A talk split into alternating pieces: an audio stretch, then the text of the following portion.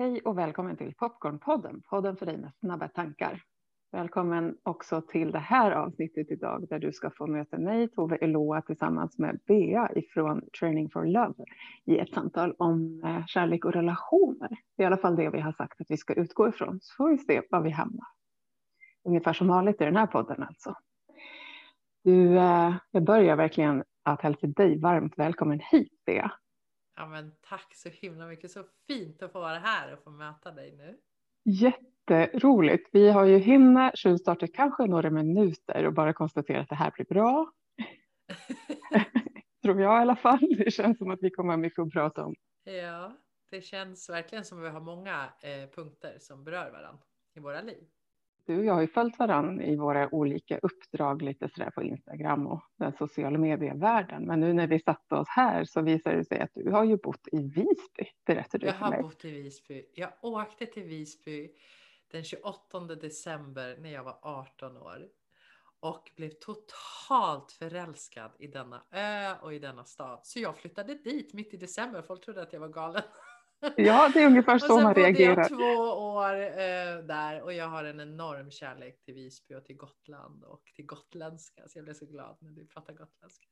Ja, det var det första du noterade om mig, att jag då fattade någon jättefin dialekt där i vårt intro. Exakt, då slår mitt hjärta extra hårt. Allt är klart därefter. Liksom. Exakt. Men det var härligt. Ja, december i Visby och januari, det är ju eh, många som frågar sig vad gör ni där på vintern? Liksom. Ja. Det är fortfarande en ganska aktiv fråga när man eh, säger att man bor här faktiskt. Jag känner igen det. Vad gjorde du i Visby på vintern om man får fråga då? Ja, men jag jobbade på. Jag jobbade på krog, restaurang. Det finns ju också krogar som är öppen på vintern, vilket ja, folk men... inte tror. Exakt, vad skönt att det var du som folk, sa det. Folk mm. lever där. Gott. Ja, jag kan verkligen passa på att göra lite reklam nu när människor ändå förmodligen kommer resa mer inom detta land i de här pandemitiderna så är ju fantastiskt mycket av Visbys eh, skärm tycker jag, byggd faktiskt på mat och dryck. Det är fantastiskt mycket kvalitet på det. Och ja, välkomna verkligen. hit. Mm. Men du, på något helt annat tema. Du eh, driver tillsammans med din partner Theo, eller hur? Ja. Eh, det som ni kallar för training for love. Precis. Kan inte du berätta lite grann om vad ni gör och så tar vi det därifrån. Ja men precis. Vi är båda utbildade relationscoacher och vi driver Training for Love som en skola för kärlek och relationer. För vi såg att det saknades massa kunskap i det här. Vi har massa kunskapsluckor med det här, hur vi ska relatera i nära relationer. Och så då, jag är, jag är också utbildad pedagog från början och är eh, utbildad inom e-learning. Så då så sa vi, då slår vi ihop det här och så försöker vi faktiskt fylla de kunskap, hjälpa till att fylla de kunskapsluckor som finns. För det är inte så himla många som kanske vågar gå till en terapeut. Det är liksom ett stort steg. Men att mm. gå en utbildning, en kurs i kommunikation eller i, i relaterandet och romantiska relationer, det har vi sett har varit en superhit med de som har gått och väldigt. Det kan vara både roligt och eh, väldigt utvecklande. Så det gör vi och vi driver också ett community där man kan vara med månadsmedlem där vi har exklusiva medlemsföreläsningar. Vi, vi, vi svarar på frågor, de får uppdrag varje vecka och så där. Så där, där folk mm. som vill växa och möta varandra, andra människor som vill växa i kärlek och relationer får mötas och, och vara. Så det gör Åh, spännande. Ja, så spännande, verkligen. Jag kan tänka mig det, verkligen. Och det är ju också spännande när du säger att er upplevelse är, och jag delar den också, att det finns så många kunskapsluckor kring det här med relationer, vilket ju är lite fascinerande med tanke på att vi är sociala varelser. Och ändå behöver vi fylla på, ja men kanske hela livet. Vad, vad tänker du när jag säger det? Händer i dig? Ja, ja, jag tänker också det. Om jag tittar på mig själv så kommer jag ur, ja, men så jag tänker att relationer är både vänskapsrelationer och liksom föräldrar-barn-relationer och kärleksrelationer. Alltså vi, Mm. vi har, är ju vi är relaterande hela tiden konstant. Och precis som du säger så får vi ju ingen kunskap. Vi får liksom lära oss det här själv. Mm. I familjen så ser vi ju liksom med, med våra föräldrar hur de relaterar, hur de relaterar till oss. Men i vänskapsrelationer så är det ju en try and error hela tiden. Mm. Vad är det som funkar, vad som inte funkar och så vidare. Och det här är liksom, ja, men det här skapar väldigt mycket lidande hos människor. Att vi inte kan och vet på djupet hur vi ska relatera. För det här är liksom, det är inte så svårt. Men vi har, när det blir krångligt när vi inte har kunskapen. Mm. Så, och, det, Mm. och sen så kommer det ju saker in som anknytning och medberoende och beroenden. Alltså det, kommer, det är så mycket som påverkar våra relationer som vi inte förstår. Och så tror vi Mm. bara så här, ja men vi gillar ju varandra, då ska det ju funka. Precis som att den här gilla-energin eller kärleksenergin ska lösa alla problem i världen. Liksom. Mm. Men det är där det börjar. Det är ju, där, det är ju bara Ja. dörren till att en relation startar. Ja, och när man har den energin påslagen och levande så är det ju också inte sällan som det drar igång ännu mera av utmaningen, tänker jag. Ofta Ja. på temat anknytning och trygghet. Och om man kommer då från, och det kan du gärna få berätta lite mer om, eh, för den som lyssnar och kanske inte känner till så mycket om det här med anknytning, om man bara ska stanna till vid det, så är det ju också inte helt sällan som eh, det drar igång ganska starkt i oss människor om vi har en otryggare anknytning i alla fall. Den här närheten och idén om intimitet. Så, och hur lär vi oss att vara i det och att skapa förståelse för oss själva och den vi möter? jag. Ja, alltså jag själv, jag är 48 år idag. Jag anknytningskunskapen kom till mig när jag var ja, men så här 42 år eller någonting. Så den är ganska ny i mitt liv. Jag har alltid varit intresserad av relationer och kärlek och sexualitet och så. Men, men inte riktigt fått det att funka. Och jag fattade inte varför. Tills jag hittade min första bok, eller jag fick eh, tips av en vän i, från Holland. Så här, "Bea, du borde läsa den här boken. Och den handlade om anknytning och forskning kring anknytning. Och jag var bara så här, "Va- varför har jag inte fått veta det här? Här har jag kämpat och jag har försökt mitt bästa. Jag har gjort kommunikationsövningar och du vet, jag har gjort allt vad jag kan. Och ändå så har det varit trassligt i mina relationer och jag har inte nått dit, dit hjärtat längtade. Och då fick jag ju veta på att jag bär med mig en kärlekskarta från min uppväxt. Och det gör vi, alla människor bär med sig den här programmeringen eller kartan. Och den påverkar alla våra relationer. Eh, Från vi är liksom, nyfödda tills vi dör. Mm. Och så fattar vi inte att den här kartan, om vi har otrygg anknytning, så är den här kartan bristfällig. Den har inte all information som vi behöver. Så vi går omkring med livet och med en liten trasig karta och försöker att navigera oss. Det är egentligen det det, det, det handlar om i, i grund och botten. Och sen finns det ju olika former av anknytning där man kan vara trygg och man kan vara otrygg. Och det är ungefär lika stor del av befolkningen som är otrygga som är trygga. Och jag tänker också när du tar det här exemplet med kartan, det tycker jag blir ett väldigt så här, fint visuellt verktyg för den som lyssnar på podd, så också att se det här framför sig. Så tänker jag att vi som människor har ju också en tendens att normalisera, det är en av våra skills som människor, att vänja oss med det som är och i och med att anknytningsmönster sätter sig så tidigt som en del av vår grund i livet så tänker jag också att en av utmaningarna med det här är ju att vi har den karta vi har och tror att det är sanningen. Så att det här är den enda möjliga kartan. Fram tills att vi förstår att vänta, skulle man kunna rita lite nya streck här? Det finns stigar att gå på som jag kanske inte har ens vetat om och kanske faktiskt reagerar fysiskt på. Därför att mitt nervsystem är inte vant att gå dit. Eh, eh, Och Precis. Den liksom ingången på temat lärande tänker jag. Så jag blir så glad när jag hör dig säga vi fyller på kunskap och lucka. Jag bara, Ja, Ja, för det är ju inte det är så många, inklusive mig själv, för jag var där, som nästan så trodde att jag var ett hopplöst fall. Så här, nej, nej, men kärlek kanske inte funkar överhuvudtaget. Kärlek funkar inte för mig. Jag har inte träffat rätt partner. Du vet, jag hade alla de här koncepten i huvudet. Och så var det bara så här, nej du Bea, det var kunskap som du saknade. Mm. Det är lite som den här jorden är platt syndromet. Vi trodde att jorden var platt. Liksom, tills vi fattade att mm. jorden var rund. Och det och är ungefär det... så som kärlekskartan ser ut också. Liksom. Och, och det så... är ju lite lättare att gå framåt om man inte tror att jorden tar slut om tre steg. Exakt, mm. precis. Mm. Så är det ju. Mm. Spännande också att du säger att det här kom till dig när du var strax efter 40. Och att tänk om det kan få vara så att någon som lyssnar nu är i ett lärande för egen del och kanske för in det här på något sätt genom sig själv så tänker jag att det är ringar på vattnet till de vi lever nära och kanske till och med våra barn. Att läka de här delarna av sig själv kan ju sedan ge jättefina gåvor vidare. Ja men precis, och det, det, är ju så. Vi ärver ju det här av våra föräldrar och vi ger det vidare till våra barn. Så mm. det är ju ett sånt viktigt arbete vi gör och det påverkar alla våra relationer. Vi blir, ja, men, jag, om jag bara tittar på mig och, och Theo så är det så att det har, det har påverkat. Vi har blivit bättre, fått bättre, djupare vänskapsrelationer, bättre relationer med våra familjer, bättre relationer på jobbet och så vidare. Därför att vi, relationer är ju relationer. Den svåraste mm. relationen vi, vi lever i är ju vår kärleksrelation. Och, och sen så går det utåt. Så att börjar vi där det är liksom kärlek och sen så, så sprider det sig ut till alla relationer. Så det påverkar allting mm. i vårt liv när vi, mm. när vi går till kärnan.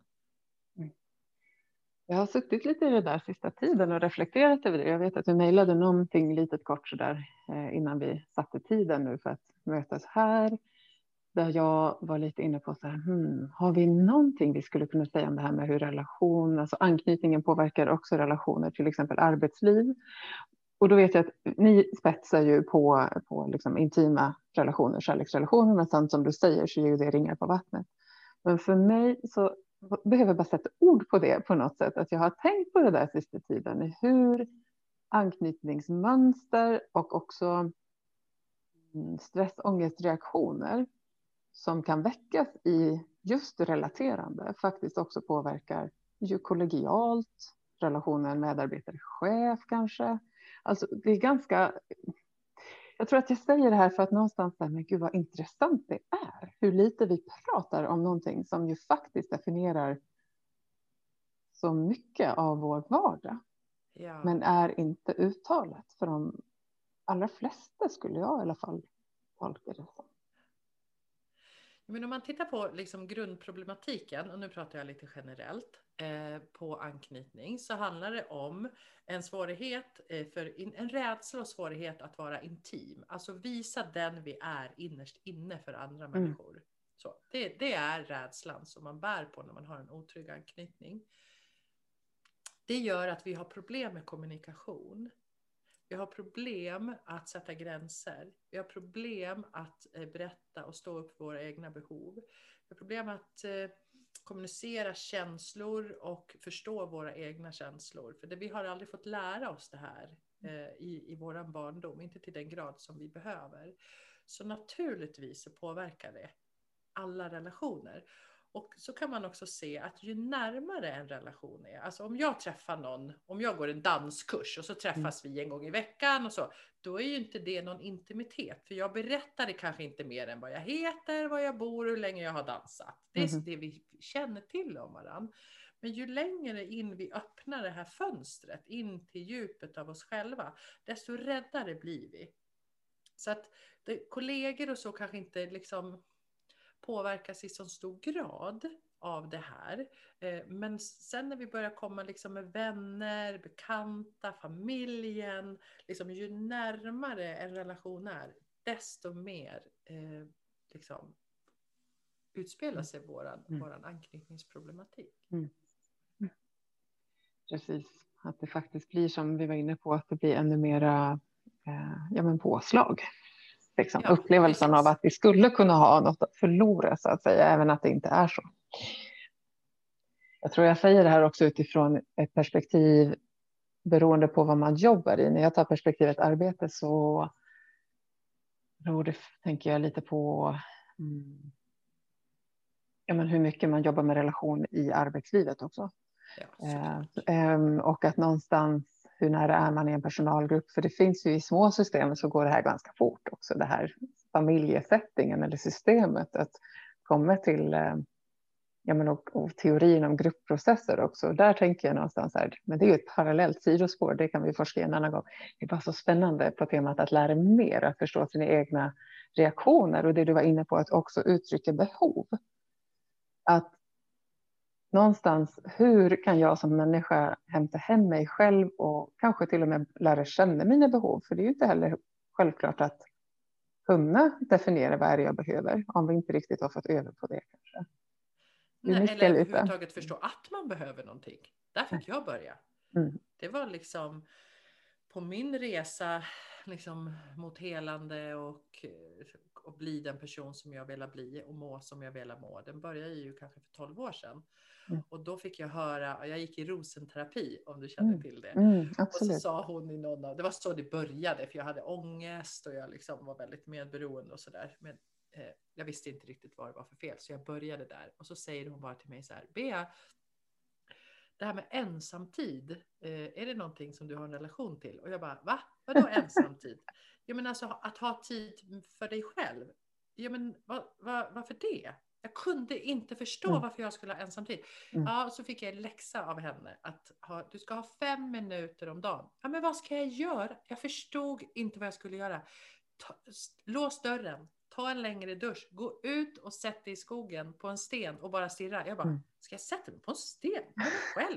Jag, jag var så Galen. bortkopplad ifrån mig själv och mina behov. Jag var så utanför mig själv, mm. vilket man, man blir eh, när man har en, en medberoende problematik och en anknytningsproblematik som jag har, så läste jag ju av alla andras behov hela tiden. Yes. Så att yes. jag fanns inte där. Och det var, där började min resa. Att ta fem minuter om dagen att göra någonting för mig själv. Och i början visste jag inte ens vad jag skulle göra. Jag bara satt och stirrade. Och jag hörde som att du också behövde få lite förslag på vad det skulle kunna vara. Exakt. Till exempel jag behövde hjälp, för det var helt blankt för mig. Det var ett blankt papper. Mm. Och jag fattade inte ens att jag hade det behovet. Så att jag blev ju nästan arg för att, för att någon påpekade det. Vad skulle det vara bra för ungefär så eller?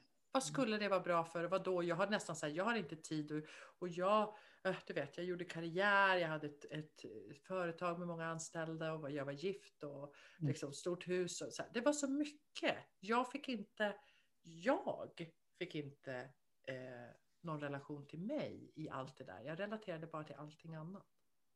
Jag kan tänka att jag kan också relatera till det. Alltså att om jag backar några år så, så var det ju väldigt lite helt egen tid. Alltså. Helt ensam tid. Jag tyckte liksom inte att det var jättehärligt att vara solo med mig själv. Det ska jag säga. Fy. Det var inte liksom meningen med livet att sitta och hänga med bara mig. Vilket idag är så här. Wow, så var det verkligen då idag är det så här, när kan jag få vara själv? Så här, hmm, prio ett, typ. Så här, jag måste få checka in med mig, här, så här, bara fri tid att välja vad vill jag just nu. Eh, från att också ha behövt ganska mycket, vad gör man? Så här, till att det spelar ingen roll, det kommer ge sig, jag har de här olika sakerna att hämta ur och det är så lyxigt. Ja. Men det har ju varit liksom, verkligen ett arbete att komma dit, det måste jag i alla fall säga att det har varit för mig.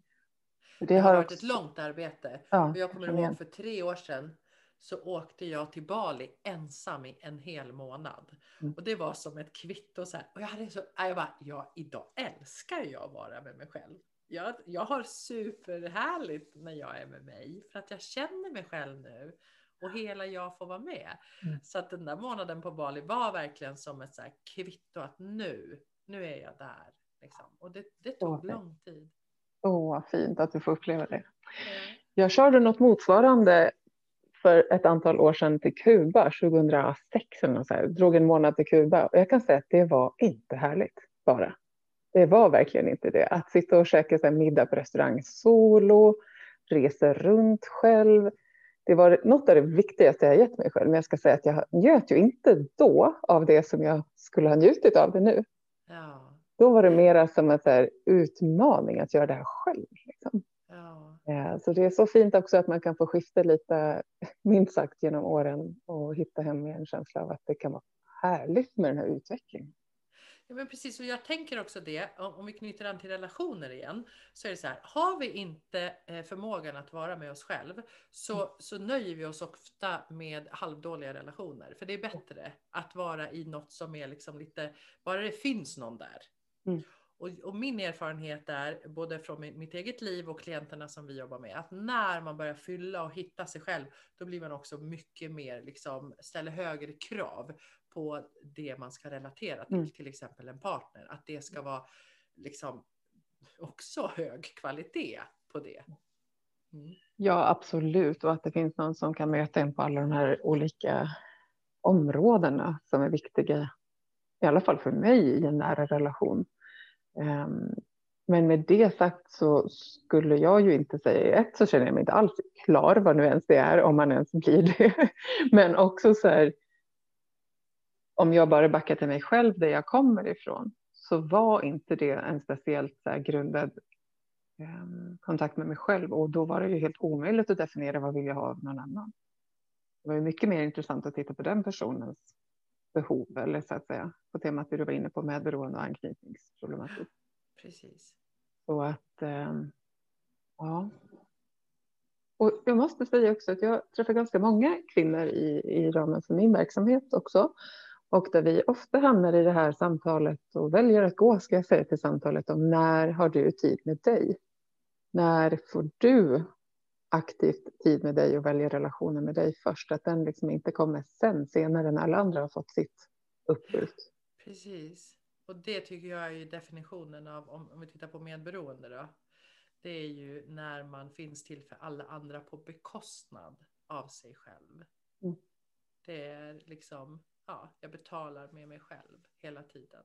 Precis som du säger, jag får komma i andra hand. Och det hänger ju också väldigt mycket ihop med en otrygg anknytning, att man hela tiden vill, vill finnas där för att inte missa den kärlek som man kan få om man har en ambivalent otrygg anknytning. Då. Mm.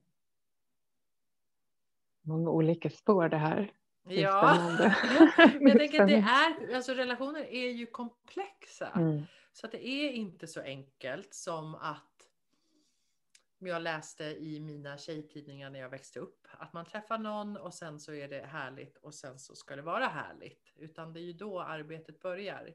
Att det ska synkas och vi lär känna varandra och det är liksom ja, men det här med behov så har ju jag alltid levt tidigare i relationer. Det har varit antingen mitt behov eller någon annans behov. Mm. Eh, och nu har jag fått lära mig i min relation med Theo och det arbete som jag har gjort. Det handlar inte om eh, antingen eller, det handlar om både och. Yes det, i en hälsosam, eh, liksom, trygg relation så får både och plats. Och det, det visste mm. jag, hade jag aldrig sett det på min karta. För jag hade inte sett det med mina föräldrar när jag växte upp, för så var det inte där. Jag hade inte sett det runt omkring mig. Och jag hade aldrig upplevt det i mina egna relationer, utan det var alltid en dragkamp.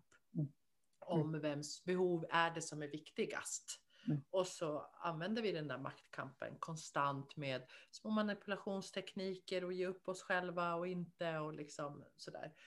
Och sen så helt plötsligt så uppenbarar sig det att så här, oj, det finns ju jättemycket plats i en relation. Det finns ju, det finns ju nästan så dubbelt så mycket plats.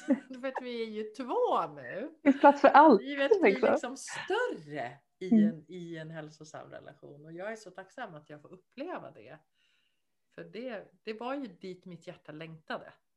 Och, och jag blir tacksam att få höra det. Det händer i mig när jag lyssnar på dig så blir det så här, ja, att det finns en sån glädje att få höra om den upplevelsen måste jag säga. Det är jättefint. Mm. och någonting som väcks också i mig när jag lyssnar är känslan av att det finns plats för både och. Det som kommer mellan liksom, energin från dig tycker jag blir det här att var och en tar hand om sig. Projicerar inte ut sina behov på den andra och kräver att få dem uppfyllda av den andra, utan vi kan ta hand om oss själva, men vi går också till varandra för mötet. Precis. Det är vad jag Exakt. tycker att jag hör dig eh, sända. Liksom. Vi brukar prata om att det finns tre eh, delar i en relation, tre enheter. Det är jaget, viet eh, och duet. Mm. Så att i min relation då så är det jag, mm. en enhet, Theo en enhet och vår relation är en enhet. Mhm. Jag är 100% ansvarig för mig själv. Mm. Mitt välmående, Mm. att jag ser till att få mina behov tillgodosedda. Så det betyder inte att jag aldrig möter Theo i hans behov, men jag, det är jag som äger behovet. Mm. Så. Och Theo gör samma sak. Och sen så vårdar vi vårt vi och relationen. Mm. Så. Och när vi gör det, när det finns en påfyllnad, precis som du sa, att, att, att kunna vara med sig själv, då flödar det över väldigt mycket till relationen. Istället för att det blir en bristvara i oss själva, då suger man energi, för då ska man ha allt som man inte kan ge sig själv från relationen. Mm. Och så blir det ett stängt energisystem, vilket gör att vi fastnar i att du måste ge mig allt vad jag inte behöver och så blir det en, ett beroende av varandra som är ohälsosamt. Mm. Istället för att teama upp och säga så här, du är min livspartner, vi gör livet tillsammans, du och jag. Och, och liksom peppa varandra och stötta varandra och så. Det är så fint för vi går igenom exakt en sån fas i vår relation nu. Vi har varit tillsammans i sju Mm. år och vi har ju varit på den här kärleksresan under hela vår relation. För vi bestämde oss tidigt att träna på kärlek tillsammans. Det var det, var, det, var det vi gick in med. Så. Det är härligt. Mm. Men i den här fasen som vi är i nu så har vi fått ett, ett väldigt eh, fint erbjudande som skrämmer både mig och Theo.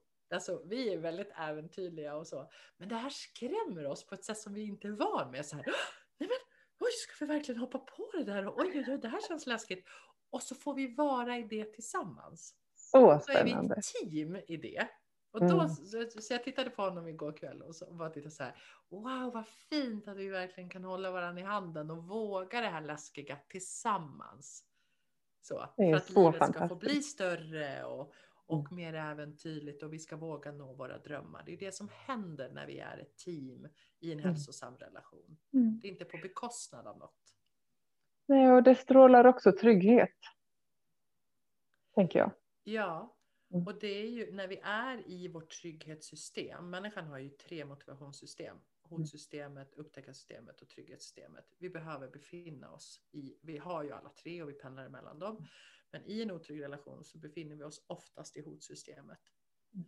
Och eh, vilket där, där mår vi ju inte bra. Det kan ju till och med leda till liksom utbrändhet och väldigt liksom Otroligt energikrävande att Ja, extremt energikrävande. Så när, vi, så när vi lär oss att själv ta oss till trygghetssystemet och ta relationen till trygghetssystemet, då, då expanderar vi ju därifrån. Och så blir vi lekfulla och vi får den här passionen och, och liksom vågar göra det här som vi drömmer om för att det finns en trygg bas. Ja, och jag tänker också så här, om man, om man liksom till dig som lyssnar just nu går lite och smakar en sekund på så här, trygghet, energi eller så här, flykt, katastrof. På andra sidan, så bara, vart finns det mest så här, både vila och nyfikenhet? Så här. De flesta av oss skulle säga att ja, men jag har nog inte jättemycket kapacitet till att möta ifrån en lugn plats i mig eller vara nyfiken på vad händer i dig just nu eller i mig själv. Mm. Så här, om jag är det så här, nu fan, det är red alert här, jag måste liksom kämpa. Det är inte där det händer, den här liksom upptäcktsfärden av livet på ett eh, ja, men mjukare sätt. För mig är det Precis. så liksom, så det är någonting och att gå dit och du satte ord på det ungefär så här tror jag nu då att att lära sig gå dit. Du sa någonting sånt, eller hur? Och att det är en spännande så här, note to self, det går att lära sig gå dit. Om man Precis. inte är van att gå dit. När vi, när vi befinner oss i, i hotsystemet så utsöndras väldigt höga eh, halter av stresshormon som kortisol och adrenalin och så vidare. Det gör att vi blir väldigt kritiska till exempel. Eh, och att vi skannar av vår omgivning hela tiden. Det här är liksom inbyggda överlevnadsmekanismer så det är ingenting som vi kan göra någonting åt. Befinner vi oss där så, så reagerar vi så här. Och jag tänker också på, på dig som lyssnar, att du, jag är säker på att du känner att du har varit i, i liksom stunder kanske i din relation där det har varit mycket liksom kritiskt och du hela tiden är på din vakt och inte, kun, inte vågar och är trygg nog att slappna av i relationen. Och det man kan göra då, då det är att börja själv Och inte liksom så försöka få med en partner utan börja resan själv. Att ta sig till trygghetssystemet. Vad är det som ger trygghet för mig? Vad behöver jag? Och det är ju att lära känna sina behov. Mm. mm. mm. För mig finns det också någonting i det jag känner att jag vill säga så får vi se om det är någon som lyssnar som behöver det. Att när vi väl är där i den där eh, påslaget av att inte riktigt vara landade grunder i oss själva. Då kan det vara ganska svårt att göra den där inventeringen eller upptäcktsfärden eh, på ett sätt som känns eh, möjligt. Det som kommer till mig, att det kan kännas som att det blir så här, men jag lyckas inte, jag kan inte. Så, så, och, och då tänker jag så här, skulle det vara så, så tänker jag så här, det kan vara så att så här, eh, lugna dig genom någon form av kroppsmeditation. Det finns massor på Youtube att googla liksom lugna för att någonstans komma ner i kroppen och sen därifrån gå på den upptäcktsfärden. Precis. Alltså att lugna systemet tänker jag. För i alla fall egen erfarenhet att eh, är jag i liksom en upplevelse av eh, men lite inte i kontakt med kroppen, det susar i huvudet av intryck och ja, men oro på olika sätt. Då, då är inte jag mitt smartaste alltså. inte varken känslomässigt eller intellektuellt riktigt kalibrerat. Nej, för där slår ju också katastroftankarna igång. Och så precis som mm. du säger, tankarna går väldigt fort och vi ser inte.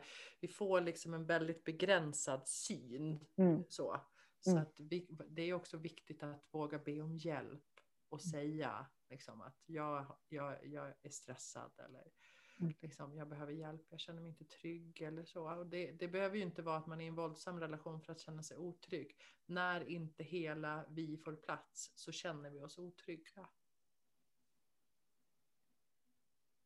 Igen någonstans, det relaterar tycker jag tillbaka till det här med att ha tid med sig själv. Att lyssna in och checka in med sina egna tankar och känslor och hur är det med kroppen? Oh ja, är jag spänd? Är jag avslappnad i kroppen? Alltså det där, för mig i alla fall så har det tagit en hel del övning i eget rum, liksom att göra det och kunna gå i kontakt med det oavsett vem som sen sitter bredvid.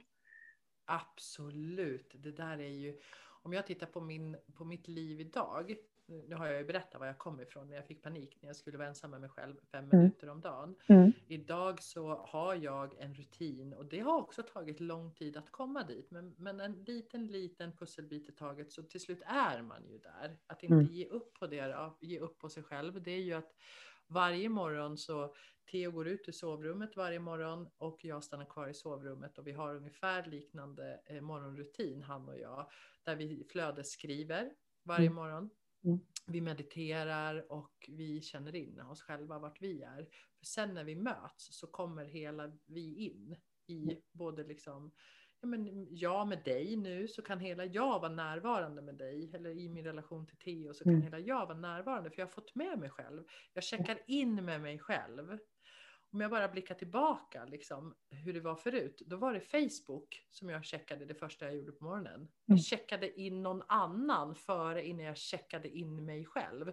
Så idag har jag ju inte ens mobilen i sovrummet. Därför att det är så lätt för mig att gå dit och kolla hur alla andra har det. Mm. Liksom, mm. så.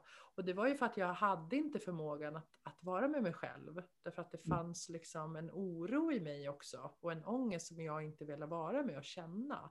Mm. Och den, den blev ju också liksom påtaglig när jag började ensamtid. Men idag är ju den, idag om jag känner oro så kan jag ju hålla det idag, omfamna det idag. Liksom fråga mig själv sådär, Pia vad är du orolig för nu? Mm. Är det något du behöver? Ja, jag behöver det här och det här. Ja, men okej. Jag är mm. liksom min bästa stora syster till mig själv. Liksom. Yes.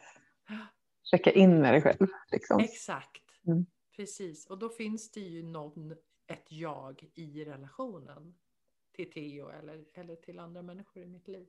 Ja, men precis. Och hämta hem en kontakt med dig före liksom. Mm. Undrar, alltså jag är så nyfiken på er som lyssnar. Du vet det, när man har podd så är det ju ganska mycket one way liksom. Ja. Eh, alltså, det händer ju att ni som lyssnar hör av er och det är sjukt roligt varje gång. Så fortsätt väldigt gärna med det. Men för det är så spännande den här känslan jag kan se framför mig att det finns mer än en som lyssnar som tänker, mm, kan relatera till Facebook-grejen på morgonen. Liksom. Ja. Eh, men att då gav du fina idéer och uppslag på flödesskrivningen, meditationen. Och jag kan också relatera till, liksom, jag har en ganska kort morgonpraktik utifrån barn heltid och eh, ja, det är skola en viss tid och det är så här, inte världens längsta. Men för mig, även i det lilla, så vore jädra stora grejer. Bara det där med att checka in så här, med ett djupt andetag, landa i kroppen. Så är jag här? Liksom, det finns ju tillfällen i mitt liv där jag checkar in i kroppen. Där jag, men jag ligger ju knappt på madrassen när jag vaknar. Ja.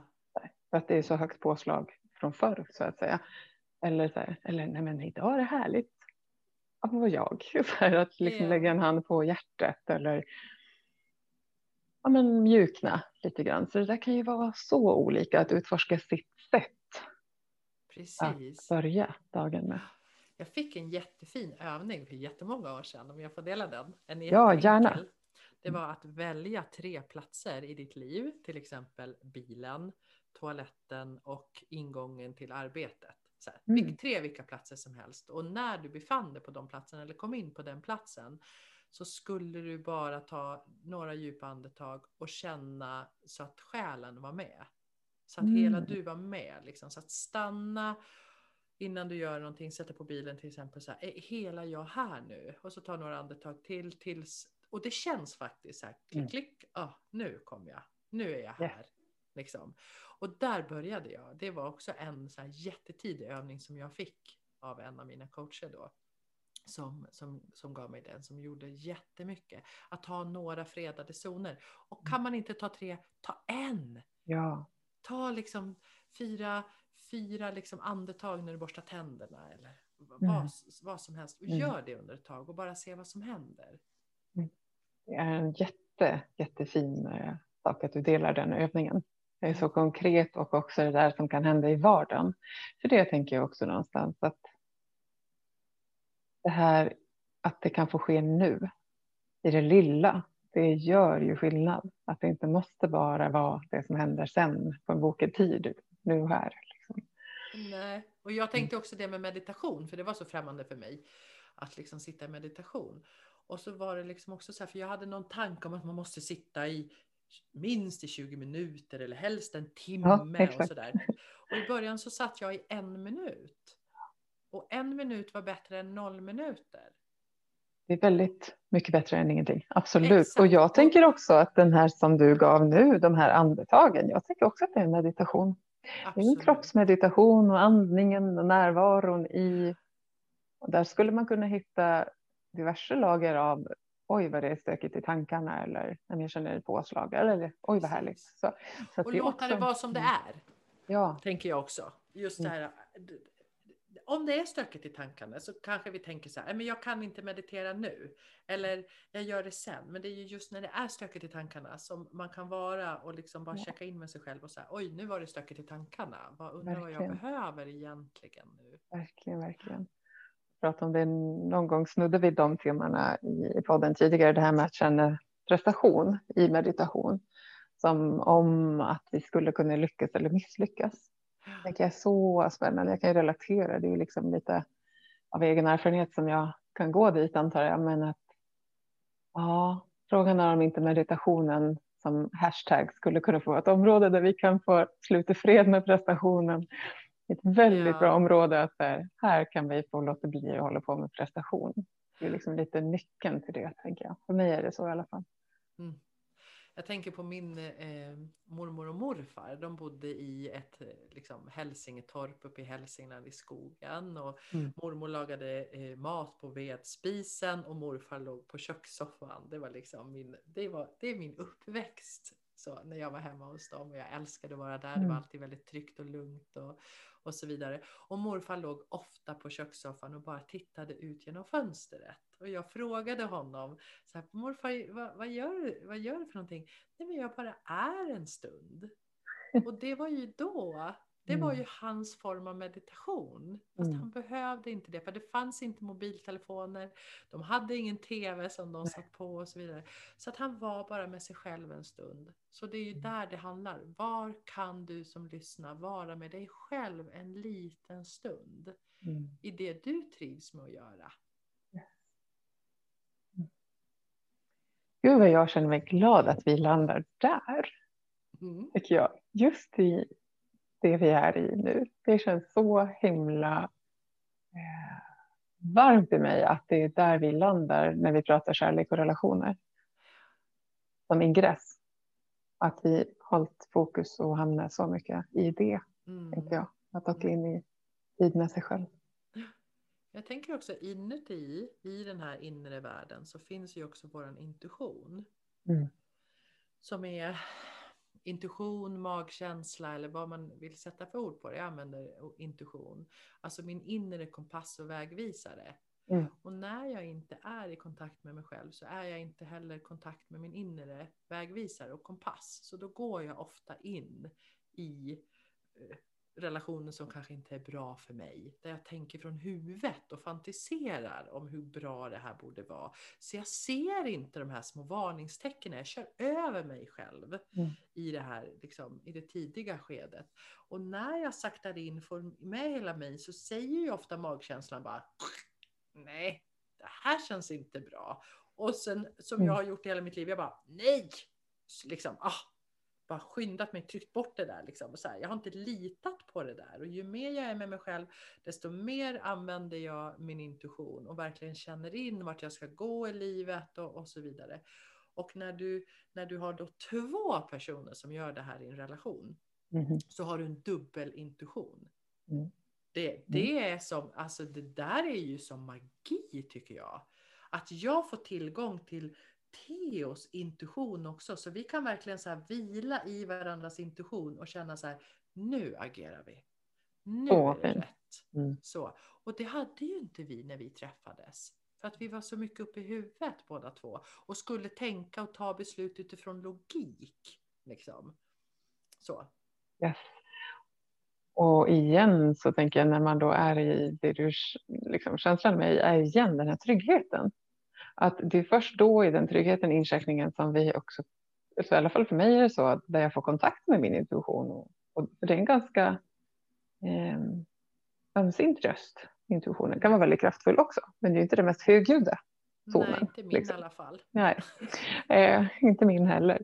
Med det sagt så kan den ju vara bra tydlig och kraftfull. Men det bygger ju på att jag har vridit ner volymen på mina ja, men, tankemässiga på, på hit. Så att Ja, men precis. Mm. Och, och jag tänker också på det här att hela tiden ha, ha liksom, um, uppmärksamheten riktad utåt. Mm. Då hör ju inte du heller Mm. den, den, här, den här inre guidningen. Det, Mm. det liksom tappar ju bort det. Och jag tänker också, när jag inte har hört den här inre guidningen i mitt liv så har jag valt, allt, jag har alltid valt, valt partners utifrån ett väldigt specifikt mönster. Mhm, Att de inte har funnits där för mig. mhm, Då har, mina, liksom, då har mitt system kickat igång och så har jag tänkt att det var kärlek. yes. Och så någonstans har min magkänsla liksom, eh, jo, jo, men det här blir bra, du vet. Och så har jag så gått Mm, upp i huvudet och fantiserat om varför den här relationen skulle bli bra. Men det är Mm. ju inte riktigt bra i stunden. Det är ju någonting som saknas och det känns inte riktigt så här. Men jag tänk, har alltid tänkt att om jag bara eh, ändrar lite på det där och, och fixar lite med det där och om han ändrar sig lite, då kommer det här bli bra. Liksom. Och sen har jag kört in mig själv i dysfunktionella relationer där jag sen faktiskt inte har mått bra. Där Mm. jag inte har fått vara hela, där det inte har funnits plats. Jag har inte givit mig själv plats och det har inte funnits plats i relationen för hela mig. Och jag vill inte leva ett sånt liv och jag önskar att Mm. andra människor inte heller att du som lyssnar inte ska behöva leva där du inte får leva och vara hela dig. För det har, det har alla människor rätt till. För Yes. det finns Mm. sådana relationer. Och har vi aldrig upplevt och ha en sån trygg relation så vet vi inte ens att det existerar. Mm. Så det är första, så här, det existerar, det Mm. finns och man kan gå dit. yes. Mm. Och det tänker jag är ju det som blir någonting av vårt möte idag när du får dela också din resa från att inte ha upplevt det och kanske inte ens ha trott på att det var möjligt till att inse att det är det visst. Jag lever ju uppenbarligen det idag, säger du. Så. Ja. ja.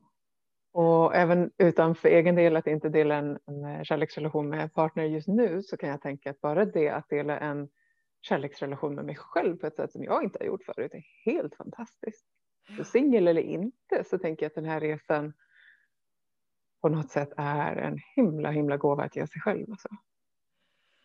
Men det är där det börjar och jag, för mig så var det som en floskel liksom innan jag upplevde mm. det här själv, att kärleken mm. börjar i dig själv. Mm. Och nu är, lever jag ju där, där jag vet att om det inte är kärlek i min och Theos relation så känner jag oftast inte kärlek till mig själv heller. Det är något som, som saknas mig och så försöker jag få det av Theo istället för att först fylla på med, med mig själv och sen så är det så att jag svämmar över med kärlek då och så kommer det till Theo. Jag ger min kärlek till Theo istället för att jag ska ha kärlek av dig.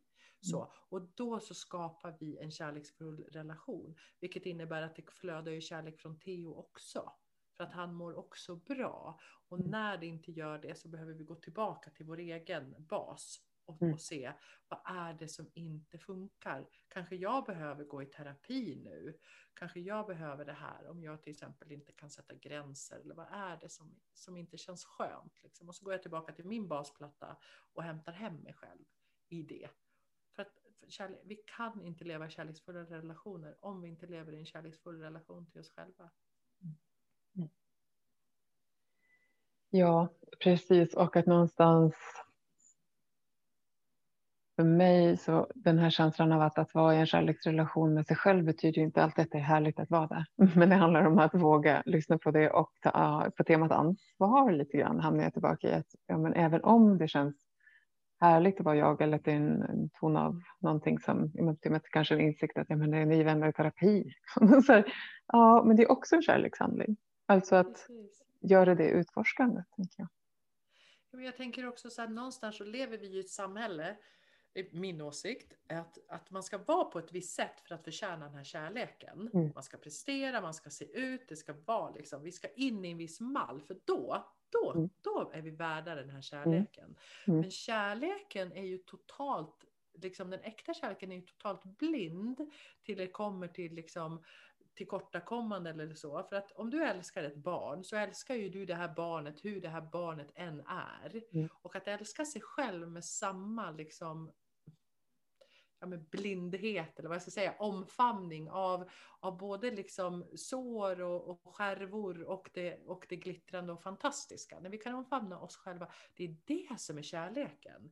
Inte så här, jag kan älska dig när du presterar på högt, när du väger så här mycket, när du inte säger så där konstiga saker och då kan jag älska dig. Och så, och så har vi den relationen till oss själva, vilket gör att vi också får den relationen till en partner. Mm. Jag kan älska dig om du är så här. När du är så här, då får du min kärlek. Yes. Mm. Och det är någonting annat, det är inte kärlek. Det är, det är liksom en, annan form av konstellation, men kallar det aldrig för kärlek. Nej, och jag kan inte låta bli att dra en parallell tillbaka till eh, tjejtidningarna du nämnde förut.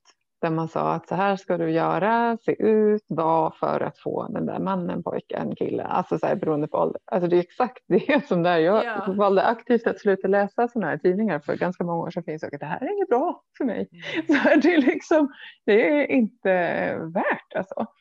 Eh, ganska länge sedan jag fattade ett beslut att nej, men det här är inte bra. Därför att det gav mig fel rollmodell för vad som skulle kunna vara kärlek och intimitet. Ja, men precis. Och det, det här, när vi har otrygg anknytning så tror ju vi att vi behöver vara på ett visst sätt för att få kärlek. Mm. Att vi är, känner oss ofta inte älskvärda. Så att det här, och då när vi får det här budskapet, då, till exempel i tidningar eller mm. liksom mm. genom, genom sociala medier, du ska vara på ett visst sätt. Liksom, så, bara, så gör ju det oss ännu mer otrygga. Och jag ser ju fortfarande sånt där i mitt flöde på, på sociala medier. Liksom. Fem tips hur du fångar din kille. Yes. Men det är, bara, det är bara råd utifrån en otrygg anknytning. Mm. Därför att när man har en trygg anknytning då, då möts man i intimitet och så får man, då finns det inga spel. Det är bara vi med otrygg anknytning som håller på med spelen. Så sluta med spelen. Det, är liksom, det finns inte så fem knep så fångar du en kille.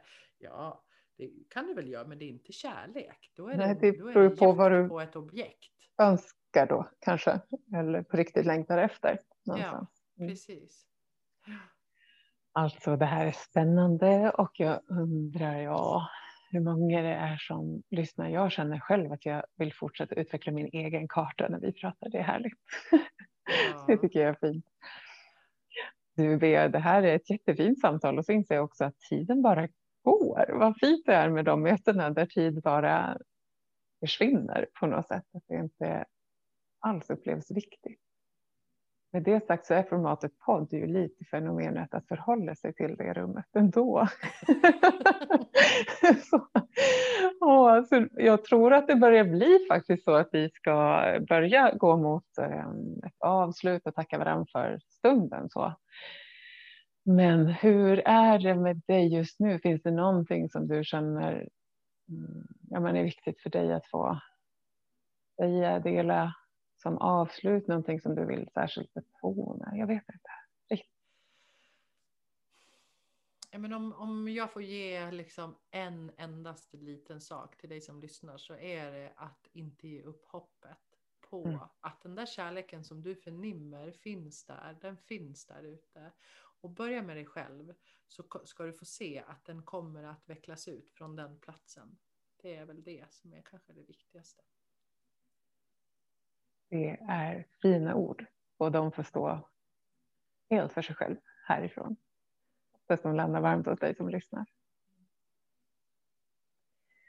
Bea, tack för mötet. Tack själv, vad fint. Jag vill bara fortsätta prata med dig. Ja, det vill jag med.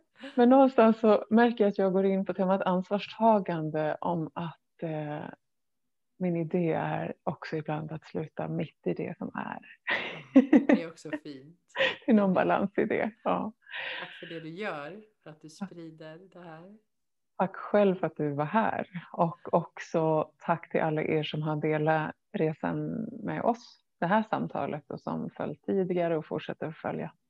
Följ gärna Bea och Theo på deras eh, Training for Love och gärna Popcornpodden också såklart. Det vore jättefint om ni vill checka in med tankar, reflektioner och känslor efter att ha lyssnat. Bea, ha en fortsatt fin dag. Jättetack detsamma. Tack. Hej. Ha det fint.